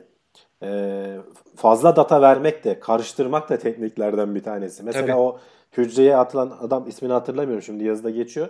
Ee, işte ayağının ucuna falan mesela şey çivi falan bağlıyor. Çiviye böyle ayağını bastırıyor tam makinenin ortasında test ölçüm alırken. Veya işte evet. kendi kaslarını sıkarak falan yapanlar var. Ee, hakikaten bunların hepsi o poligraf dediğimiz aletin ölçümlerini yanıltıyor. Dolayısıyla evet. e, senden alan adam hani bir temel noktası olması lazım ki senin doğru mu yanlış mı söylediğini bilsin. E, o temel noktasını karıştırırsan adam bilemiyor evet. hiçbir şekilde emin evet. olamıyor. Kontrol soruları soruyorlar. Yani işte adın John Doe mu? Hani adın Mehmet mi Ahmet mi? O sırada Hayır dediğinde bozarsan... o sırada da yalan söylüyormuş gibi taklit yaparsan alacağı dediğin gibi referans noktasını şey yapıyor. Peki böyle mi olacak onu söyleyelim. Şimdi bir iki iki tane büyük şey var. Bir tanesi e, göz yani göz bebeğinin büyüyüp küçülmesi var. Bu hatta Blade Runner'da falan da vardı bu. Onunla ilgili bir test vardı. Filmlerden evet. de örnek verelim. E, göz bebeğinin büyümesi, pupil dilation dediğimiz göz bebeğinin büyüyüp küçülmesi. Fakat ben şimdi bununla ilgili makale yazıyorum. Araştırdığın zaman sadece yalan değil o kadar farklı şeylerden büyüyüp küçülüyor ki. Yani birinin gördüğü bir şey çekici geliyorsa da büyüyor, küçülüyor. Işık değişirse de oluyor. İşte korkarsa da oluyor. İşte yalan söylerse de oluyor. Çok farklı. Sırf düşünce gücüyle de yapabilir. Bu da çok şey değil. Bir başkası da galiba e, fMRI ile yaptığı yani manyetik görüntülemeyle ya da EEG ile yaptığı falan böyle iki tane e, buna aday olan hani satılabilecek, e, ticarileştirilebilecek şeyler var. Bunlar da yapay zekayı kullanıyor ama şey diyebilir miyiz buna Hamdi abi sen daha iyi bilirsin. Hani makine öğrenmesinde bir e, şey öğretirim ben. Derim ki bak bunlar garanti olarak bunlar yalan. Bunları izle. Bunların neden yalan olduğunu ben anlamıyorum ama sen bunları veriyorum training şey olarak. Bunu öğreniyor makine. Bunlar da şey diyorsun temiz bunlar gerçekten Testler, doğruyu evet. söylüyor. Ha bunları veriyorum. Şimdi de ben sana karışık vereceğim. Bakalım bulabilecek misin gibi mi çalışıyor acaba? Ne Muhtemelen dersin? Muhtemelen hani eğittikleri bir sistem varsa bu şekilde çalışıyordur. Zaten bunun pek de başka bir yolu yok. Sonrasında zaten o eğittiğin e, model kapalı bir kutu oluyor. Tam olarak niye öyle çalıştığını sen de bilemiyorsun. Testler vererek karşılığında senin doğru mu yanlış mı olduğunu bildiğin testler vererek doğruluk oranını ölçüyorsun. İşte orada da %70'lere mi 80'lere mi ne ulaştığı gibi bir rakamdan bahsediyorlar ama işte bunlar hep tartışmalı şeyler. E, pek de e, alıcısı çıkmadı diyor makalede aslında böyle bir geliştiren bir firma varmış. E, bir tane devlet kurumu almak istemiş. Onlar da doğru anlayıp anlamamasıyla ilgili değil. Adamlar bize nasıl yalan söyleteceğini öğret. Herhalde e, CIA, şey, işte, FBI, casusluk kurumu, evet. istihbarat kurumu herhalde ki nasıl eğitimde kullanabiliriz bu yapay zekaya karşı. Onlar da onu düşünüyorlar çünkü bir yandan. Evet. E, yani dediğim gibi o kadar kolay değil. E, ama yalan hani hayatımızın çok temelinde olan bir şey. Yani günde, Her gün 200 yalan duyuyormuşuz öyle evet, diyor buradaki araştırma. ölçüm öyle bir şey söylemişler. Küçük yalanlar tabii. Hani bunlar öyle Hı hı. e, işte ay ne güzel olmuşsun bugün saçın ne güzel falan gibi. E, belki hani beğenmiyorsun veya umursamıyorsun ama söylüyorsun. Hani aradaki yağları eritmek adına işte şeyi soğukluğu gidermek adına. Evet. Bu çok Ee, önemli aslında yani evrimsel psikolojide bunun yeri olabilir bilmiyorum şu an spekülasyon yapıyorum sadece ama yani e, çünkü bu beyaz yalanların yani şöyle düşünelim radikal doğru olsak bir gün hani kaç arkadaşımızı kaybederiz hani öyle düşünelim Kesinlikle. yani hani saçı hakikaten beğenmedim beğenmedim diyemezsin hani o bir dediği gibi yumuşayacak arayı yapacak şeyler aslında zararlı değil tam tersine yararlı da olabilir Ee, dediğin gibi benim burada ilgimi çeken ama yazıda anlatılan Peki diyorlar ki bu makinenin ama buldurduğu şeyler de var. Yani poligraf de ona sen gözüne bağla, kafaya elektrot bağla hiç fark etmez. Sebebi aslında şunun olduğunu savunuyorlar. Eğer bulup bulmaması önemli değil. Sen o sorguladığın kişiye bu makinenin doğru çalıştığını inandırırsan, Evet. yani makinenin bulabileceğini inandırırsan adam zaten diyor ki makinede çıkmadan ben şey yapayım, ben İtiraf itiraf ediyor. edeyim, kurtulayım diyor. Bu çok hoşuma gitti, çok ilginç Ya bir şey. şey yapmışlar bir ara. e, onu oraya denk geldim mi bilmiyorum. Atladın mı? E. Amerika'da bazı karakollarda şimdi pahalı bir şey tabii. Her yere poligraf koyamıyorsun. Evet. Adamlar fotokopi makinesine elini bastırıp e, fotokopi Çok çektiriyorlar. Alttan makine şey çıkarıyor. Yalan yalan diye kağıt çıkartıyor. Bununla bayağı itiraf almışlar yani. Heh, İşte o kadar çok büyük bir farkı yok aslında ondan. Çok güzel Aynen, aslında güzel aynen. bir örnek. Ee, yani geçmişte başka teknikler de kullanılmış. Biraz bu işin hani yazı dediğim gibi uzun bu sayede Evet. uzun oluyor. Ta Hintlilerin kullandığı şeyler var. Mesela yalan söyleyen birini anlayabilmek için bak çok garip bir teknik. Ee, eşeğin kuyruğunu isle boyuyorlar siyaha ve bir çadıra koyuyorlar. Sen de çadıra girip kuyruğu çekiyorsun. Eğer kuyruğu çekmeden çıkarsan elin is olmuyor anlıyorlar. Kuyruğu çekersen ve eşek anırırsa yalan söylediğin anlaşılıyor. Eğer Oo. anırmazsa, sesi çıkmazsa yalan söylemediğin anlaşılıyor falan gibi böyle çok fantastik teknikler var. Veya bir ara Avrupa'da galiba kullanılmış trial by ordeal mı deniyor? Ölümüne savaşarak işte Game of Thrones'da falan da vardı. Evet. Eğer e, şeysen, e, haklıysan Allah seni canlı bırakıyor yani. Tanrı senin canını bağışlıyor. Ölürsen zaten e, haksızsındır şeklinde bir e, yani geçmişte o kadar abuk subuk yöntemler kullanılmış ki e, Çinlilerin var mesela pirinç çiğnetiyorlar sana çıkartıyorlar. O eğer yapış yapış olursa e, yalan söylediğini anlaşılıyormuş falan gibi. E, tabii ki hepsi e, şeyden daha beterler. E, poligraftan daha da beter yöntemler. en azından e, son yüzyılda bir adım ilerlemişiz. Hani iyi kötü biraz Evet. bilimsel bir şeyler yapmaya çalışmışız bu alanda. Ama dediğin gibi gene de e, bir insanın anladığından da o kadar iyi değil. Belki yapay zeka hani ileride çok iyi eğitirsen falan bunu bozabilir. E, Peki %100 anlasa Hamdi abi ister miydin böyle bir şeyi? ha, o işte problemli Heh. bir şey. E, çünkü hani Evet. bunu sadece insanlar kullanacak gibi de düşünme. Bunu devletler vesaire falan da kullanmaya başlayacak. Şimdi işte Çin'de falan konuşuyoruz. E, adamlar sürekli kameralarla izliyorlar. Sana bir sosyal puanlama sistemi getiriyorlar. E, bunu ona bir de ona bağlasan iyice olay şey olacak. Yani Evet.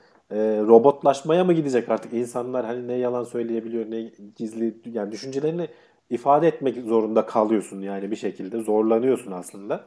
Çünkü biliyorsun hani insan haklarına falan aykırı yani hani bir insana Evet. zorla bir şey söylettirmek, e, bir düşünceyi açık ettirmek falan hani mahkemelerde falan bile yapılmayan bir şey aslında. Evet.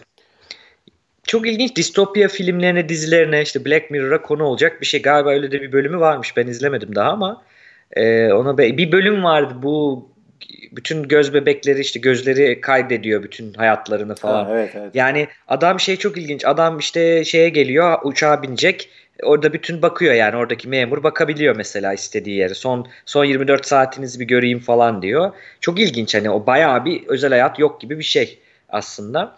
Ee, oralara doğru gidiyor. Yani şey çünkü böyle bir güç e, bir devletin elinde varsa hangi devlet olursa olsun kötüye kullanılabilir. Evet. Ee, bu, bu, bu garip bir şey. Veya çok iyi çalıştığını düşünüyoruz yapay zekanın ama biliyoruz ki mesela yapay zeka bu özellikle makine öğrenmesinden dediğin ya kapalı kutu. Nasıl öğrendiğini bilmiyoruz. Mesela sen öyle bir şey yapıyorsun ki öyle bir şey veriyorsun ki onu çünkü veriyi veren de insan. O veren diyelim ki siyahilere karşı bir ön yargısı var. Evet. Daha çok siyahiyi yalan söyleyen tarafa koyarsa adam derse ki makinede makine öğrenmiş algoritma siyahiler daha çok yalan söyler. Sen siyahiysen o kafasında belki bir weight veriyorsun. Eksi onla başlatıyor mesela yalan Şu an, söyledin hani diye. şu Bunlar an da bu- olabilir. Bu, olabilir değil, yaşanıyor zaten. Hani Zeynep Tüfekçi'nin böyle bununla ilgili bir TED konuşması vardı yanlış hatırlamıyorsam. Ee, Amerika'da bazı şartlı tahliye davalarında bu tarz böyle sistemler kullanılıyormuş ve gerçekten siyahilere karşı bir ayrımcılık ayrımcılığa neden olduğu ortaya çıkıyor e, sistemin. Ama firma hem ticari sır olduğu için hem de kendisi de aslında o kapalı kutunun nasıl işlediğini tam anlayamadığı için Bilemediği için. bilemediği için. Çünkü data veriyorsun. Dediğin gibi datalar biased yani yanlı datalar. Ee, e, dolayısıyla sen o yapay zekayı elindeki datanın yanlılığına göre eğitmiş oluyorsun. Ee, Evet. onu yapmak da zor, kolay değil. Çünkü çok fazla bu datalar, bu yapay zekaları eğitmek için çok büyük miktarda veriler gerekiyor. Ee, doğruluk payını arttırman için. E, onları tek tek ayıklaman da zor. Ee, Evet. Orada bir çıkmaz var. Hatta işte bunun için şey diyorlar. Hani dünyada nasıl nükleer teknolojiyi takip eden e, kuruluşlar varsa işte biyoloji, Dünya Sağlık Örgütü falan takip ediyorsa hastalıkları yapay Evet. zeka için de böyle bir şey kurmalıyız ve buralardan belli izinler alınmalı. E, bunlar devletler Ben buna katılıyorum. lazım diyorlar. Evet. Buna katılıyorum. Ee, evet böyle bir haber. ilginç bir haber. Evet, e, sıradaki haber de aslında ilginç. E, Amerika'da e, boşanma oranları önceki yıllara göre düşüyormuş. E, oralarda yaşanıyorsa bizim buralara da önümüzdeki 10 yıllarda falan gelecektir diye düşünüyorum. Hemen Ben ihraç ederiz. İthal ederiz. Çünkü aslında hani onlar bizim ya- yaşadığımız bu şehirleşme, modernleşme falan şeylerini bir- birkaç kuşak önceden yaşayarak geliyorlar Batı toplumları. Ee, Evet. Onlarda olan hastalıklar hepsi birebir olmasa da bazıları bizde de görülmeye başlıyor. Mesela örnek olarak boşanma sayıları bizde artıyor. Evet. Amerika'da da artmış yıllarca. Ama son 10 yılda yapılan araştırmalarda bunun tersine döndüğü görülüyor. Ee, neden olduğu da aslında biraz hani ben daha makaleyi okumadan uyandım. Çünkü bir kere insanlar daha az evleniyor olabilirler. Ee, Evet. Boşanmak için önce evlenmen lazım demiş zaten buradaki konu O uzmanlarından çok hoşuma gitti. Evet. Ee, bir de daha geç yaşta evleniyorlar. Dolayısıyla kişilikleri ve yaşam stilleri daha oturmuş oluyor. Ee, hani erken evliliklerde daha sen kendini tanımadan, e, hayatın farklı şeylerini görmeden, yönlerini görmeden e, bir ilişkiye giriyorsun ve zor oluyor sonuçta. Hani iki insanın ortak bir hayatı yaşaması kolay bir şey değil. Ee, eskiden bu hani böyle ittire kalktıra zorla da olsa bir şekilde ilerletiliyormuş. Boşanma oranları o yüzden düşükmüş.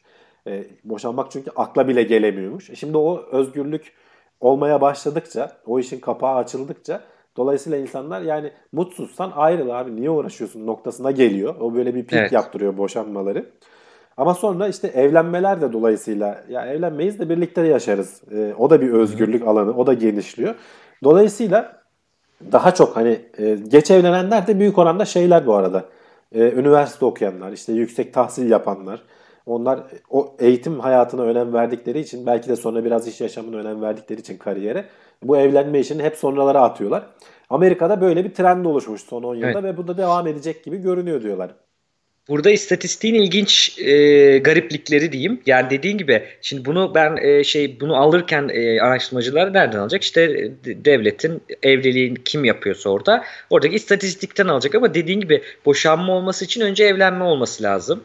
Ama bir arada yaşıyor olabilir. Pratik olarak hani psikolojik olarak evlilik hayatı sürüp kağıt olarak olmayabilir. O geç, geçmeyebilir. Bu tarz Evet. sorunlarla karşılaşıyorlar.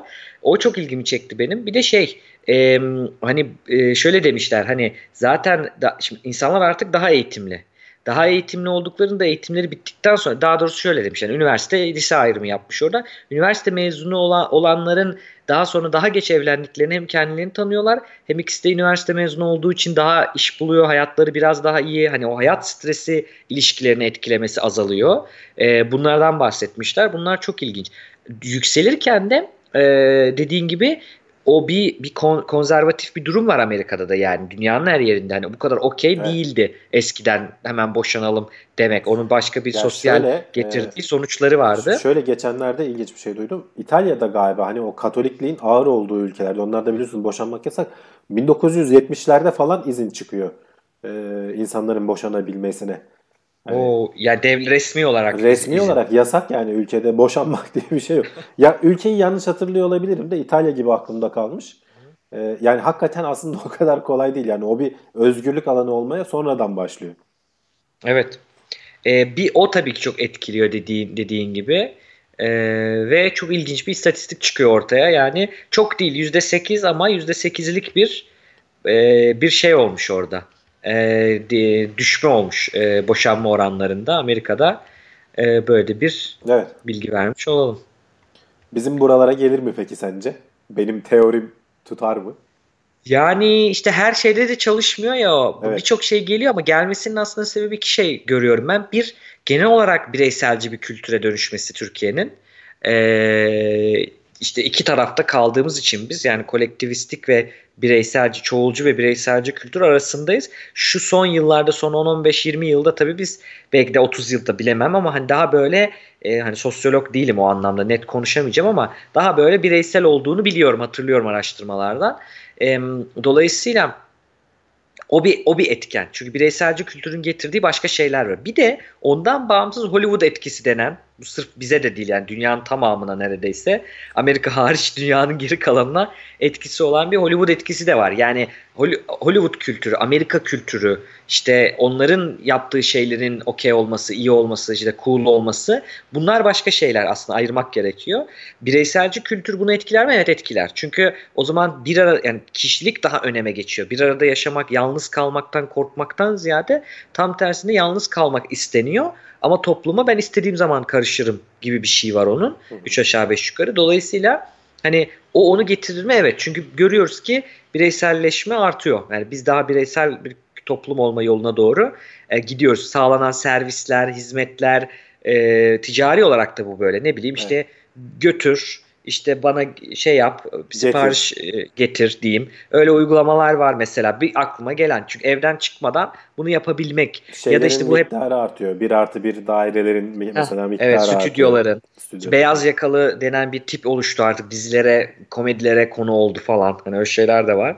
Ee, bunlar tabii hep bireysel yaşayan, bireysel düşünen, ben başarılı olmalıyım. Hani biz olmalıyız değil de ben başarılı olmalıyım işte biz grupça kazanmalıyız, grupça iyi olmalıyız diye de grubu boş ver ben daha iyi olmalıyım gibi bir şeye dönüyor. Tabii kötü değil bu kadar bu. İlla bireyselce eşittir kötü kültür demek değil. Hı hı. Ee, ama böyle bir değişiklik var. Bence gelebilir o, o açıdan. Ama hiç de belli olmaz çünkü biz kendimize has bir kültürüz bir de Hamdi abi. Tabii, yani tabii. bazı şeyler hiç olmuyor. Çünkü şeyi ne kadar söylersek söyleyelim hala boşanmak hani çok eğitimli ve şehirde yaşamıyorsa hala boşanmak kötü bir algı. Tabii özellikle zaten kadınlar o yüzden, üzerinde. O yüzden ben mesela 10-20 yıl sonra dedim. Yani bize birkaç evet, kuşak evet. sonra geliyor yani o tarz şeyler. Evet. Neyse sıradaki habere bakalım biz. Ee, eğer kilo vermek istiyorsan satranca başla diye başlık atabilir miyiz bu habere? Vallahi ee, ol, olurmuş ya. Grandmaster diyeti diye de söylenebilir.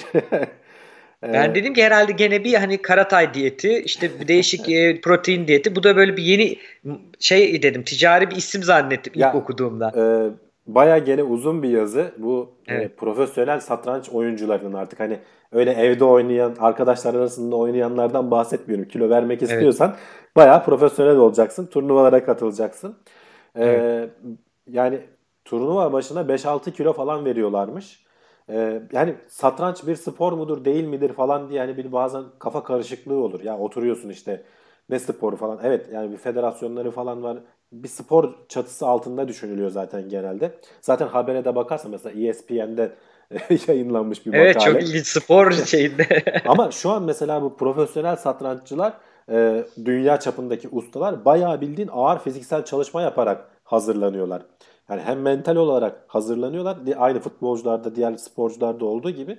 Hem de fiziksel olarak hazırlanıyorlar. Yani e, koşu yapıyorlar, ağır antrenmanlar yapıyorlar. Çünkü sen sürekli o e, şeyi sağlayabilmen için ne denir? Kondisyonu sağlayabilmen için. Çünkü maçlara çıktıkları zaman 5-6 saat falan sürdüğü olabiliyor. Ve yaşa bağlı olarak gittikçe şeyi fark ediyorlar. E, artık son saatlerde enerjin bitiyor. Vücudun düşünemez hale geliyor. Bunu sağlamanın yolu da e, kondisyonlu olmak. Hani aktif olmak spor anlamında. E, yiyeceğin besinler falan da çok önemli tabii ki. E, Magnus muydu neydi bu son dünya şampiyonu olan hala işte ardarda olan o mesela bayağı bildiğin olimpik sporcuları eğiten bir tesise gitmiş. Şeyi fark etmiş kendinde e, artık yeni nesil daha genç oyuncuların yetişmeye başladığını fark edince evet. ya maçların sonunu getiremiyorum niye böyle oluyorum diye araştırmaya gidince demişler ki meyve suyunu azalt çünkü o sana direkt şeker sağlıyor. Vücudun evet. artık metabolizması değişiyor yaşlandıkça. Daha uzun süre seni enerji seviyeni yüksek miktarda tutacak besinlerle besler. Bir de spor yap. Bayağı bildiğin ağır spor yapıyorlar. Yani işte bir saat koşu, sonra üzerine tenis, e, geliyorlar biraz maç yapıyorlar, sonra çıkıyorlar basketbol oynuyorlar falan böyle. Ya çok ilginç bu Fabiano Caruana diye o herhalde okunuyor. Dünyada ikinciymiş şu anda. Bir anlat yazıyor yazıda bir anlatıyorlar ki yani herhalde başka bir yani dediğin gibi satranççı değil de olimpiyat triatlon falan yapacak gibi. Yani. Orada şu çok önemli. Ee, geçen e, burada yazıda da bu arada adamın adı var çok sevindim. Marcus Reichel diye bir araştırmacı var. Nörolog bu adam. Biz bunun e, şeylerini okuduk. Washington Üniversitesi'nden bu adam. Biz burada çok makalelerini okuduk onu. Artık o kadar çok adam gözümün önüne geliyor ki Reichel, Reichel diye. Burada görünce böyle bir sevindim Hamdi abi. Ondan sonra bu adamın araştırmalarından da başka şeylerden ne biliyoruz ki şeyle falan bu PET taramalarıyla biliyoruz ki e, beyin %20'sini 3 aşağı 5 yukarı %20'sini şeyin vücudun lazım olan glikozun %20'sini harcıyor. Ve hatta ve hatta glikozun dışında yani normal glikozla ve oksijenle yaptığımız enerji üretimi var ya onun dışında bundan çok daha hızlı gerekirse yapılabilecek e, enerji üretme yöntemleri de var. Onu da bulmuşlar. Anaerobik diyorlar bunu. Oksijen olmadan. E, oksijen olmadan e, glikozu kendi kendine e, öğütüp daha az ATP çıkarıyor tabii hücre. Daha az enerji üretiyor ama o anlık glikoz gelmiyorsa beyin kapanmıyor. Bir, başka bir moda geçiyor. Burada anlatılan bununla çok alakalı. Çünkü dedin ya maçın devamını getirememek. Yani bu, bu insanlar satranç seviyor. Niye koşsun diyenler olabilir. Hani ama sebebi şu. Aslında vücutlarının bir nevi şeker metabolizmasını değil mi? O insülin metabolizmasını, o metabolizmayı evet. güçlendirmek ki daha uzun o beyin ölmeden, işte beyin kapanmadan diyelim ya da o anaerobiye geçmeden öyle diyeyim. Yani glikoz bitip de o metabolizma bitip de e, düşük mod, düşük güç moduna geçip maçta yenilmemesi için yapılmış bir şey. Bana direkt şeyi getirdi aklıma. Öyle diyebilir miyiz? Sağlam kafa, sağlam vücutta bulunur gibi aynen. bir şey getirdi. Aynen, aynen o söylenebilir. Hatta şeye bile bakıyorlar e, sadece e, böyle spor vesaire falan değil. Maç esnasındaki oturuş şeklini bile böyle hafif öne doğru şimdi satranç tahtası var önünde. Öne doğru şöyle eğilerek duruyorsun. Bu senin diyaframını sıkıştırıyor. Nefes alma oranını %30 azaltıyor. Dolayısıyla vücuduna çektiğin oksijen azalıyor. Beyin oksijensiz kalıyor. Sırt kasların kasıldığı için işte 3 saat, 4 saat, 5 saat süren maçlarda artık oralın kaslar yoruluyor. Boyun ve sırt ağrısı çekmeye başlıyorsun. Bunlar hep sana psikolojik wow. stres olarak etkiliyor. Dolayısıyla en iyi oturma pozisyonu nasıl olabilir? İşte böyle arkana çok yaslanırsan uzak kalıyorsun, göremiyorsun falan. Ee, onun böyle açısını falan ayarlayacak kadar işi şeye getirmişler. Ee, evet. Hatta e, şeylerde bu iki kişi beraber çalışıyorlar. İkisi de dünya çapında satranç oyuncusu. E, maç öncesinde falan e, çalışmalarını ses geçirmez odada, yalıtımlı odada falan yapıyorlar ki e, biraz da artık paranoyak mı olmuşlar? Böyle bir olay geçmiş başlarından. Açılış hamlelerini falan daha öncesinde yayınlanmış. Böyle bir şeyler olmuş. E, oyuncak değil, şaka değil yani. Bayağı ciddi orada kavga gürültü kopuyor. Ben çok sıkı takip etmem. Çok yani... ciddiye alınan işte bu turnuvalar vesaire herhalde e, işi oraya döndüğü zaman ve çok da izleyeni varsa yani bir ya, endüstriye dönmüşse çok e, değişik işler dönüyor orada yani, dediğin gibi böyle geçmişte, detayın detayı. Geçmişte Karpov galiba 5 e, ay süren bir turnuvada 12 kilo falan mı ne vermiş? E, iptal etmişler, durdurmuşlar. Adam ölecek kıvama gelmiş yani artık zayıflamaktan. E, o zamanlar herhalde pek de bilinmiyor böyle yemesi, içmesi, kondisyonu falan. E, öyle durumlar yaşanmış. Bunlar günün birinde acaba şeye denk gelir mi? Benim o merak ediyorum. Hani e-spor dediğimiz şimdi böyle klavye başında evet. ve şeyle. Sonuçta hani satranç kadar belki uzun sürmüyor onların müsabakaları ama e, orada da bayağı konsantre oluyorsun. Ellerin, ayakların falan çalışıyor. Ben onların bir ara çalışmalarını falan izlemiştim. Bayağı bildiğin e, şey çalışması yapıyorlar. E, refleks geliştirme çalışmaları, işte stratejiler Tabii. bilmem neler. Hani çok çok daha belki hani satrancı da sollayıp geçecek organizasyonlar haline gelmeye başladılar artık. Orada da oyuncular böyle şeylerine spora falan başlarlar mı? Genelde gördüğümüz hep böyle şişko şişko çocuklar böyle evet. orada podyuma çıkanlar. İleride belki daha fit böyle sporcu hem gerçekten koşan çalışan hem de bilgisayar oynayan tipler haline gelirler mi acaba? ileride. Çok ilginç ya. Hani şey şeyden korkuyorum. Bu gamer endüstrisi işte e, ne bileyim bu işte parmak kaslarınızı güçlendiren gamer aleti vesaire böyle böyle şeyler çıkabilir. Hani televizyondan alıp bunlara çalışabilirler diye düşünüyorum. Oraya kadar varabilir. E, ama neden olmasın dediğin gibi. Fakat işte şey çok ilginç. Satrancın üzerinde yarattığı stres solunumun değişmesi, sabit durması yani hareketsiz durması ama beynin yaktığı herhalde glikozla birlikte kalori yakılıyor. Yani kaloriyi hesaplamışlar. Bayağı kalori yakıyor. Hani tabii, tabii. Yani orada otururken dedin 12 iki, kilo vermiş dedin. Çok saat, ilgimi çekti. E, yazıda şey geçiyor. 2 saat içinde 560 kalori yakıyor. Ki hani Roger Federer'inkine bakarsan o da 1 saatte yakıyor aynı kaloriyi. Yani adam biri, birisi sürekli koşturuyor düşün oradan oraya. Birisi 2 saat şeyin başında oturuyor. Yani o streste mesela şey teknikleri falan da varmış. Ee, rakibinin hamlesini beklerken e, seni rahatlatacak mesela böyle ayağını belli aralıklarla yere vurma falan. O Magnus Carlsen'in böyle garip kendince bilmiyorum hani bilimsel bir kendine getiren mıdır? böyle şok şok gibi belli herhalde. Aralıklarla ayağını evet yani böyle yere vuruyor, ritim tutuyor. O şeyi kendi beynini ayık tutmak için falan kullandığı Hı. bir teknikmiş. Hani dediğim gibi bilimsel temeli var mı yok mu bilmiyorum ama e, kendince böyle bir şeyler çıkarmış. Evet. Ritüelistik düşünceler de çok yaygın böyle şeylerde. Yaygın, evet. Bana biraz satrançtaki şey gibi geliyor. Şimdi mesela e, dedik ya bir şeyi ne kadar çok yaparsan daha iyi yaparsın. Hani geçen bölümde de konuştuk. E, şimdi tabii ki diğer sporlar da karmaşık ama hani futbolda diyelim ki basketbolda ya da başka takım oyunlarında cidden objektif bir şekilde şunu şunu iyi yapayım, çalışayım diyebileceğin hareketler var ve bunlar kas Bunlar daha rahat ölçülebilen şeyler ve hani ne, neden iyi olduğunu birinin biliyoruz. Genetiğini hani saymazsak. Hmm. Çalışmadaki hareketlerle, kaslarla vesaireyle. Ama mesela satrançta o kadar çok kombinasyon var ve o kadar çok garip şeyler var ki bu şey aslında soru, altta yatan soru bir insanı nasıl daha zeki yaparız gibi ya da bir insanı nasıl daha iyi satranç oynatırız gibi olduğu için yani tam tek bir cevabı olmayan bir soru olduğu için buna bu kadar işte ritüeller, e, dediğin gibi alışkanlıklar, evet. işte e, antrenmanlar böyle ufak ufak böyle hani şey çözüm bulamadıkları için çeşitli böyle bir şeyler aray- arayış olmuş gibi hissettim bu haberi okuduğumda. Evet altından kalkamadığın zaman aklın erdirme, ermediği zaman evet, e, arayışa, şey arayışa giriyorsun yani ister evet. istemez. Peki evet. sıradaki habere geçelim. Ee, aslında hani bu pek haber değeri olan da bir şey değil. Hani bildiğimiz bir şey. Ee, evet. İngilizce artık dünya dili olmaya gidiyor şeklinde bir makaleye denk geldim ben.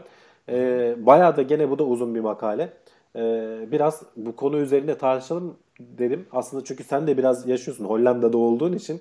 E, sonuçta oradakilerle İngilizce anlaşıyorsun değil mi? Hollanda evet. Flemenkçe bilmiyorsun bildiğim kadarıyla. Ya biliyorum işte kullanıyorum ara sıra ama işimin yani izole şekilde yani iş hmm. için izole kullanırım. Günlük hayatta sohbet falan ederken tabii e, İngilizce kullanılıyor. E, bir de sen de ODTÜ'lüsün biliyorsun işte okulda %100 İngilizce olan okullarda evet. hani ders sırasında en azından ya da ödev yaparken şöyle bir garip bir şey oluyor. Bizde de ondan çok şikayetçi e, bizim izleyicilerimiz diyeyim. Ee, yarı İngilizce yarı Türkçe bize plaza ağzıyla konuşma. Benim gittiğim yerlerde hep gelen yorumlar onlardı. Ben yorumlara bakıyorum ciddiye almıyorum ama hani bir görüyorum ne var ne yok okuyorum en azından. Ee, orada en çok gelenlerden biri olmazsa olmaz işte şey diyorlar İngilizce bildiğimi göstermeye çalıştığımda ben diye böyle şey yapmışlar. İşte onun aslında sebebi bazen dikkat etsin arkadaşlar özellikle o terimin İngilizcesini kullanıyorum. Çünkü sosyal istenirlik yanlılığı diye arattığınızda bir tane makale çıkıyor. Ama social desirability bias diye attığınızda Wikipedia'lar çıkıyor, kitaplar çıkıyor, makaleler çıkıyor. Hep amacım o aslında o yönde. Ama bazen de beyin o anda çünkü bir akış içindeyiz biz. Ben bir dakika bekleyeyim, düşüneyim, konuşayım gibi bir durumda değiliz. Hani bir, bir evet. şey çektiğimiz için. Akıcı olması gerektiği için ilk aklına geleni e, söylüyorsun. Dolayısıyla o var dediğin gibi. Ben e, ilginç bir şey yaşıyorum bu aralar. Onu söyleyeyim sana. Hemen araya gireyim. Şimdi yeni çalışmaya başladığım yerde İngilizce konuşuyoruz. Yabancı firma. E, yabancı mühendisler de var. E, onlara İngilizce anlatmak zorunda kalıyorsun. Tamam hani anlattık alışkınız bir şekilde anlatıyoruz ama şöyle oluyor bana bir şeyi anlatırken sayı gördüğüm zaman onu Türkçe söylüyorum mesela. İngilizce anlatıyorum.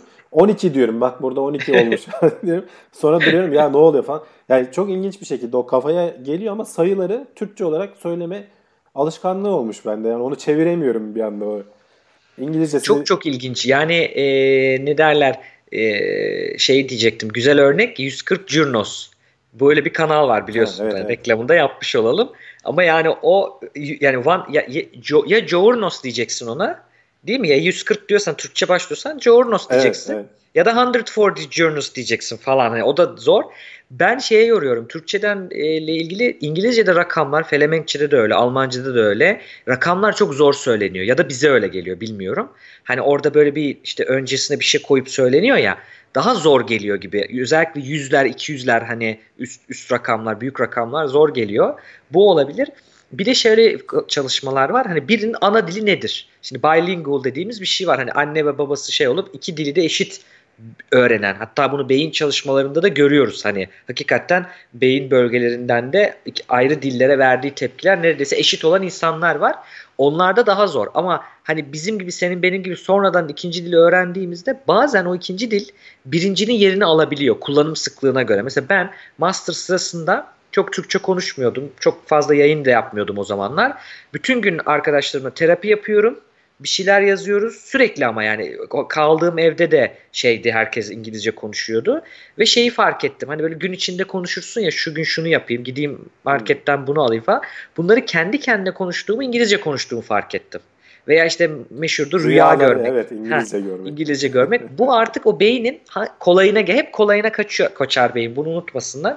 Dolayısıyla orada o kolayına geliyordur. O kadar artık alışılmıştır ki Türkçe'ye dönmek e, zor geliyordur. O yüzden arkadaşlar onu yapmıyorsanız, bunun yaşamıyorsanız hani şeye ben de kızarım. Bildiğini göstermek için Türkçesi çok makul, güzel yani bilgisayar varken computer demek. Hani ona kızarım. Ben de hak veriyorum. Hı. Okey. Ama bazı durumlarda bunu yapan insanlar özellikle yurt dışında yaşayan insanları hani direkt sallamadan önce bir yerine koymakta fayda var.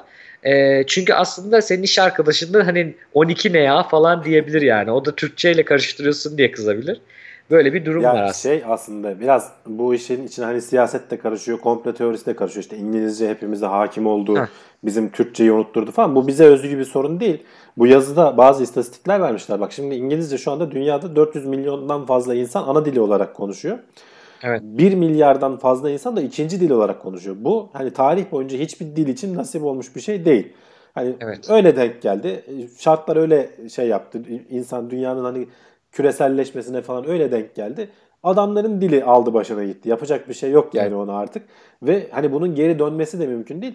Ee, dil bilimciler şeyleri araştırıyorlar. Mesela İtalyaca, İtalyanca'daki bazı kalıpların, Fransızca'daki bazı kalıpların 1950'lerden beri değiştiği İngilizceye kaydı. Gene İtalyanca konuşuyor ama o hani şeylerin yüklemin falan hani yerleri vardır ya onların Evet. yeri değişebiliyor. Bizim dilde de var işte plaza ağzı falan filan diyoruz ama Evet. mesela Şey set etmek Ha, falan, set etmek, etmek. veya daha hani Türkçe gibi gelen ama aslında Türkçesi olmayan sonlandırmak diye bir kelime var.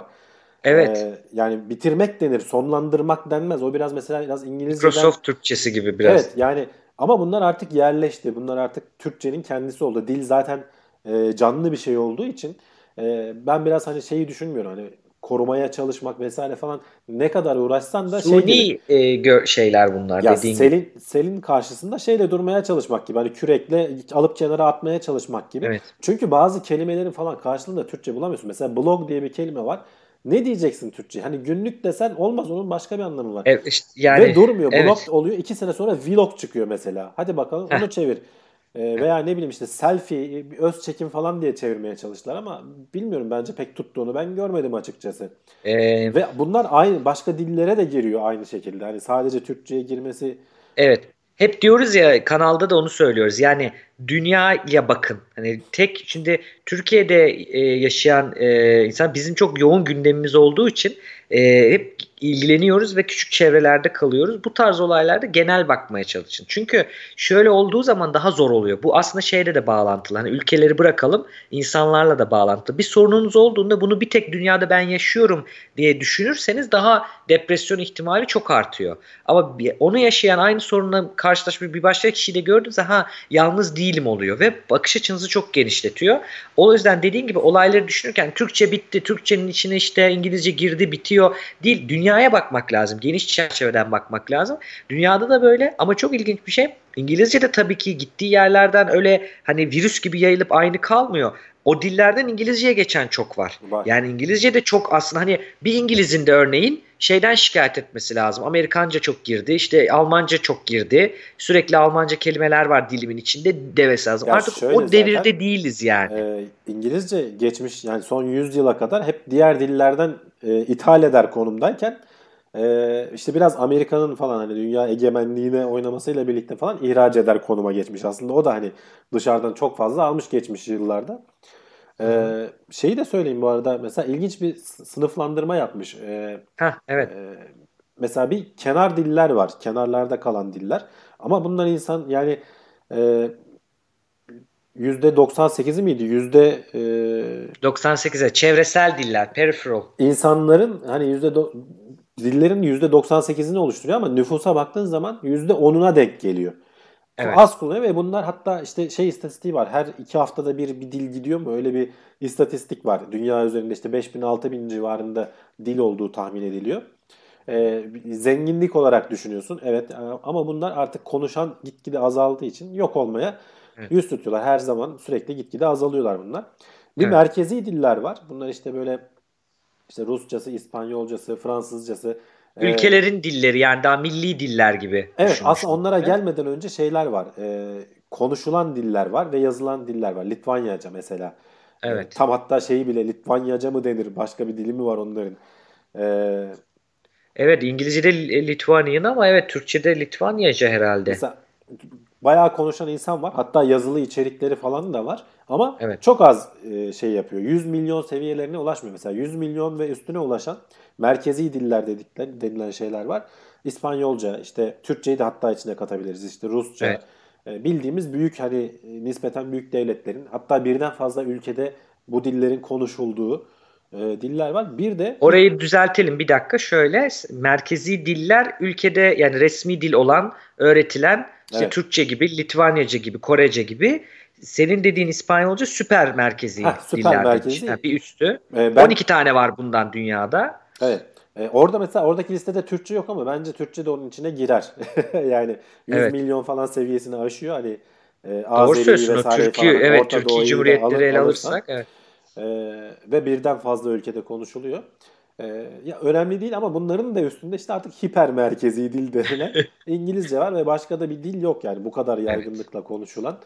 E, ve bu böyle de kalacak. E, belki hani belki ileride bu yapay zeka falan gelişir de anlık translate işi, çeviri işi e, şey olursa e, kullanım hayatımıza girerse, günlük hayatımıza girerse belki o zaman hani İngilizcenin bu etkisi azalır ama gene de araya bir şey almadan doğrudan konuşabilmek, yazılan bir şeyi doğrudan okuyabilmek Hı e, her zaman avantaj olarak kalacak bence.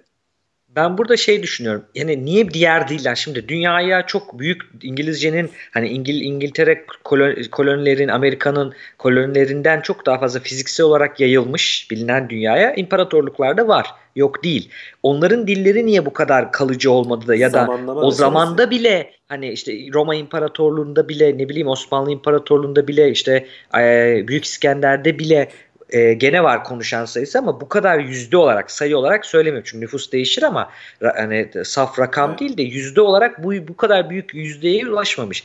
E, burada benim aklıma gelen şöyle bir şey var. İngilizce haricinde bir de dünya değişiyor. Tabii. Dünyanın globalleşmesi, dünyada herkesin daha kolay iletişebilmesi ve bu iletişim araçlarından işte internet gibi işte ne bileyim bazı mühendislik terimleri gibi işte e, e, bilim terimleri gibi şeylerin İngilizce ile birlikte oralarda geliştirilmesiyle birlikte yani aslında bir kere dünyaya dağılabilecek şans oldu. O ilkinde de İngilizce, İngilizler, İngilizce konuşan insanlar bunları icat ettiği için onlar terimlerini koydu. Hani ne bileyim işte yani mouse diyoruz hatta hala fare demiyoruz da mouse diyoruz diyeyim. Hani ya da işte Hı hı. bug deniyor hala işte konuşulurken e, hatalara. Bunun o zaman gelmesiyle birlikte o bir kerelik bir e, şey gibi. Bundan sonra şöyle bir şey olur artık. Öyle bir şey olması lazım ki internetin de üzerinde beyinden beyine iletişim gibi bir şey gelirse bu ağı kuran başka bir dilde kurulursa ancak o artık İngilizceyi bence şey yapabilir, ele alabilir. Çünkü internet gibi büyük bir sistemin dili İngilizce ise tüm dünyada e, çok büyük bir yayılma gücü aslında. E, bununla savaşılabilecek bir durum kalmamış oluyor dediğin gibi.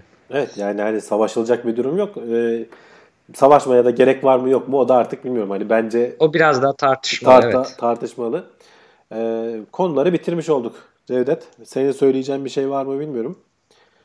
Yok bence yok. İstiyorsan hani bir bizim konularımızda haberlerimizle ilgili sorusu olan varsa Onları çünkü şey sırasında çete bakamadık. Şimdi bu kayıt edildiği için arkadaşlar ben podcast'te ara ara, gittiği için. ara ara baktım. Ee, çok fazla da soru gelmedi.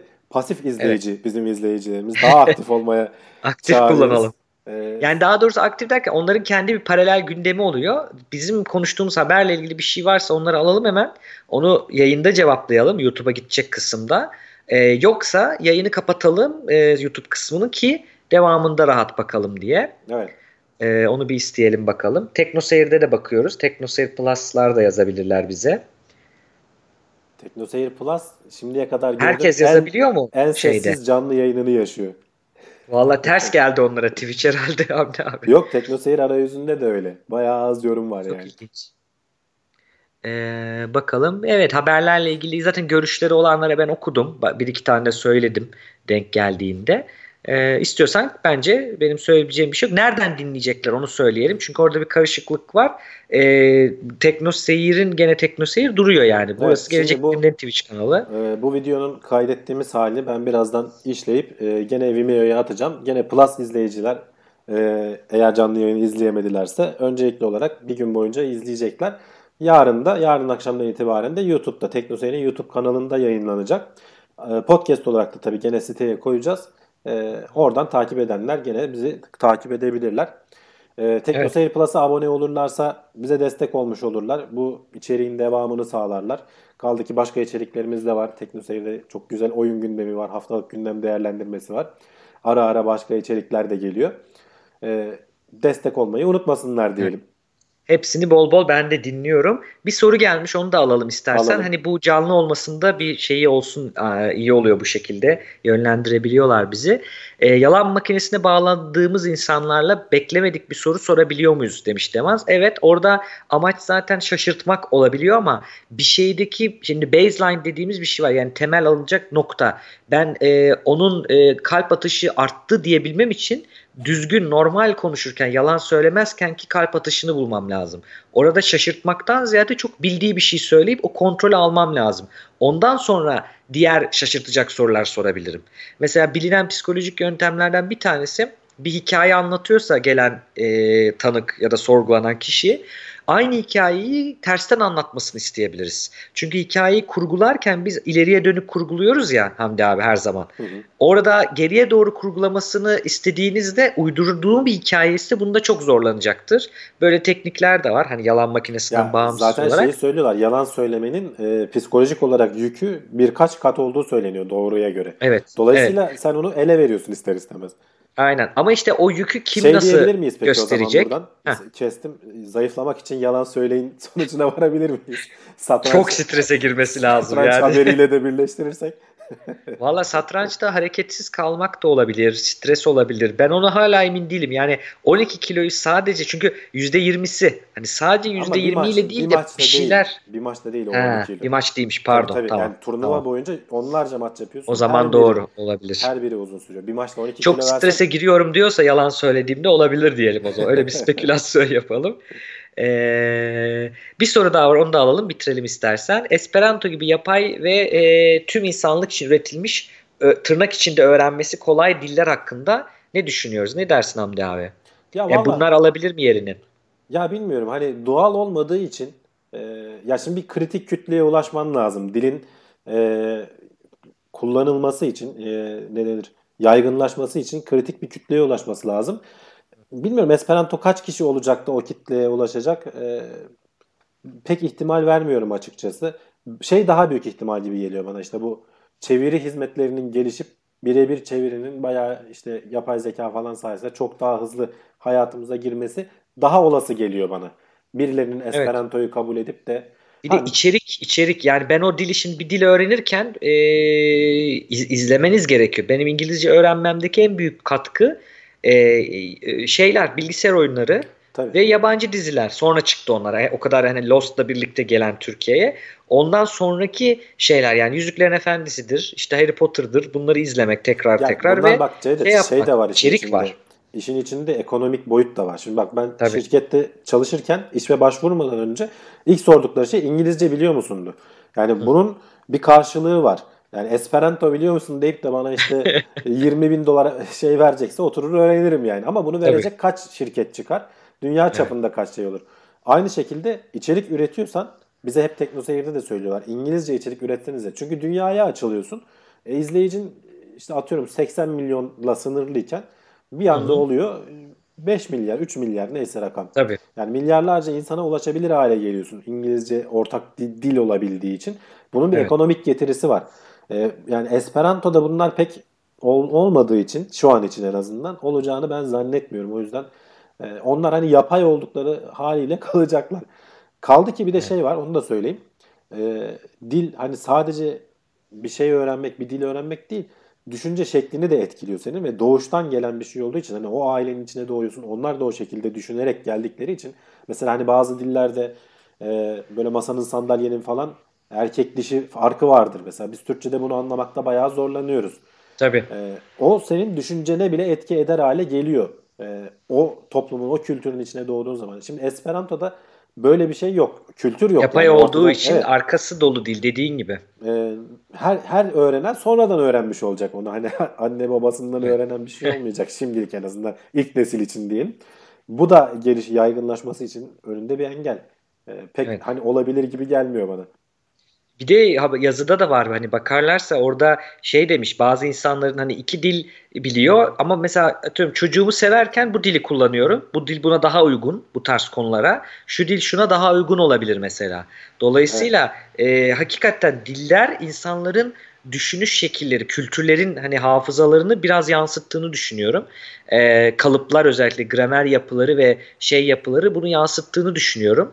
E, Flemenkçe mesela öğrenirken İngilizce ile tabii çok ortak kelime var ama hani Almanca ile de var ama beni en çok zorlayan şeyleri kelime sırası diyeyim cümle kurarken ki ben hala İngilizce gramerle Flemenkçe konuşuyorum mesela anlıyorlar ama hani zor oluyor. Onların düşünüş şekillerinde mesela bizim hiç yanından ayırmadığımız sıfatı mesela bilmem neyi sona atmak gibi tamamen aslında o düşünüşle alakalı olan e, kelimeler, söylemler var. Bazı kelimelerin de yok İngilizce karşılığı. Arıyorum bazen. Hani kolay gelsin demek istiyorum birine ama diyemiyorum yani İngilizcesini mesela. Dediğin gibi bu bu e, arkası dolu olan ve e, kültür içeren diller farklı. Dediğin gibi. Bu arada TeknoSeyir yorumlara gelmiş az önce söylediğim şeyden. Hamdi abi 20 bin dolar alıyormuş öğrendik diye. Arkadaşlar kim kaybetti de biz buluyoruz. Nerede 20 bin dolar? Açık ettin Hamdi abi Değil bakalım. yani? Evet. Ama şey İstiyorsan- oldu bak psikolojisi var bunun. Çıtayı ben yükseğe koydum. Bundan sonra arkadaşlar benle muhatap olurken ona göre olsunlar. Evet çapa etkisi de yaptı şimdi. Evet, 20 binin üstü mü altı mı öyle konuşacaklar artık. Ee, o şekilde söyleyelim. İstiyorsan e, şeyi alalım, kapatalım sponsorumuzu, onu bir kapatalım. Evet. Ondan sonra bir çete bakarız tam kapatmadan istersen. Peki o zaman bir sonraki bölümde görüşmek üzere diyelim. Görüşmek üzere. Tailwords teknoloji ve bilim notlarını sundu.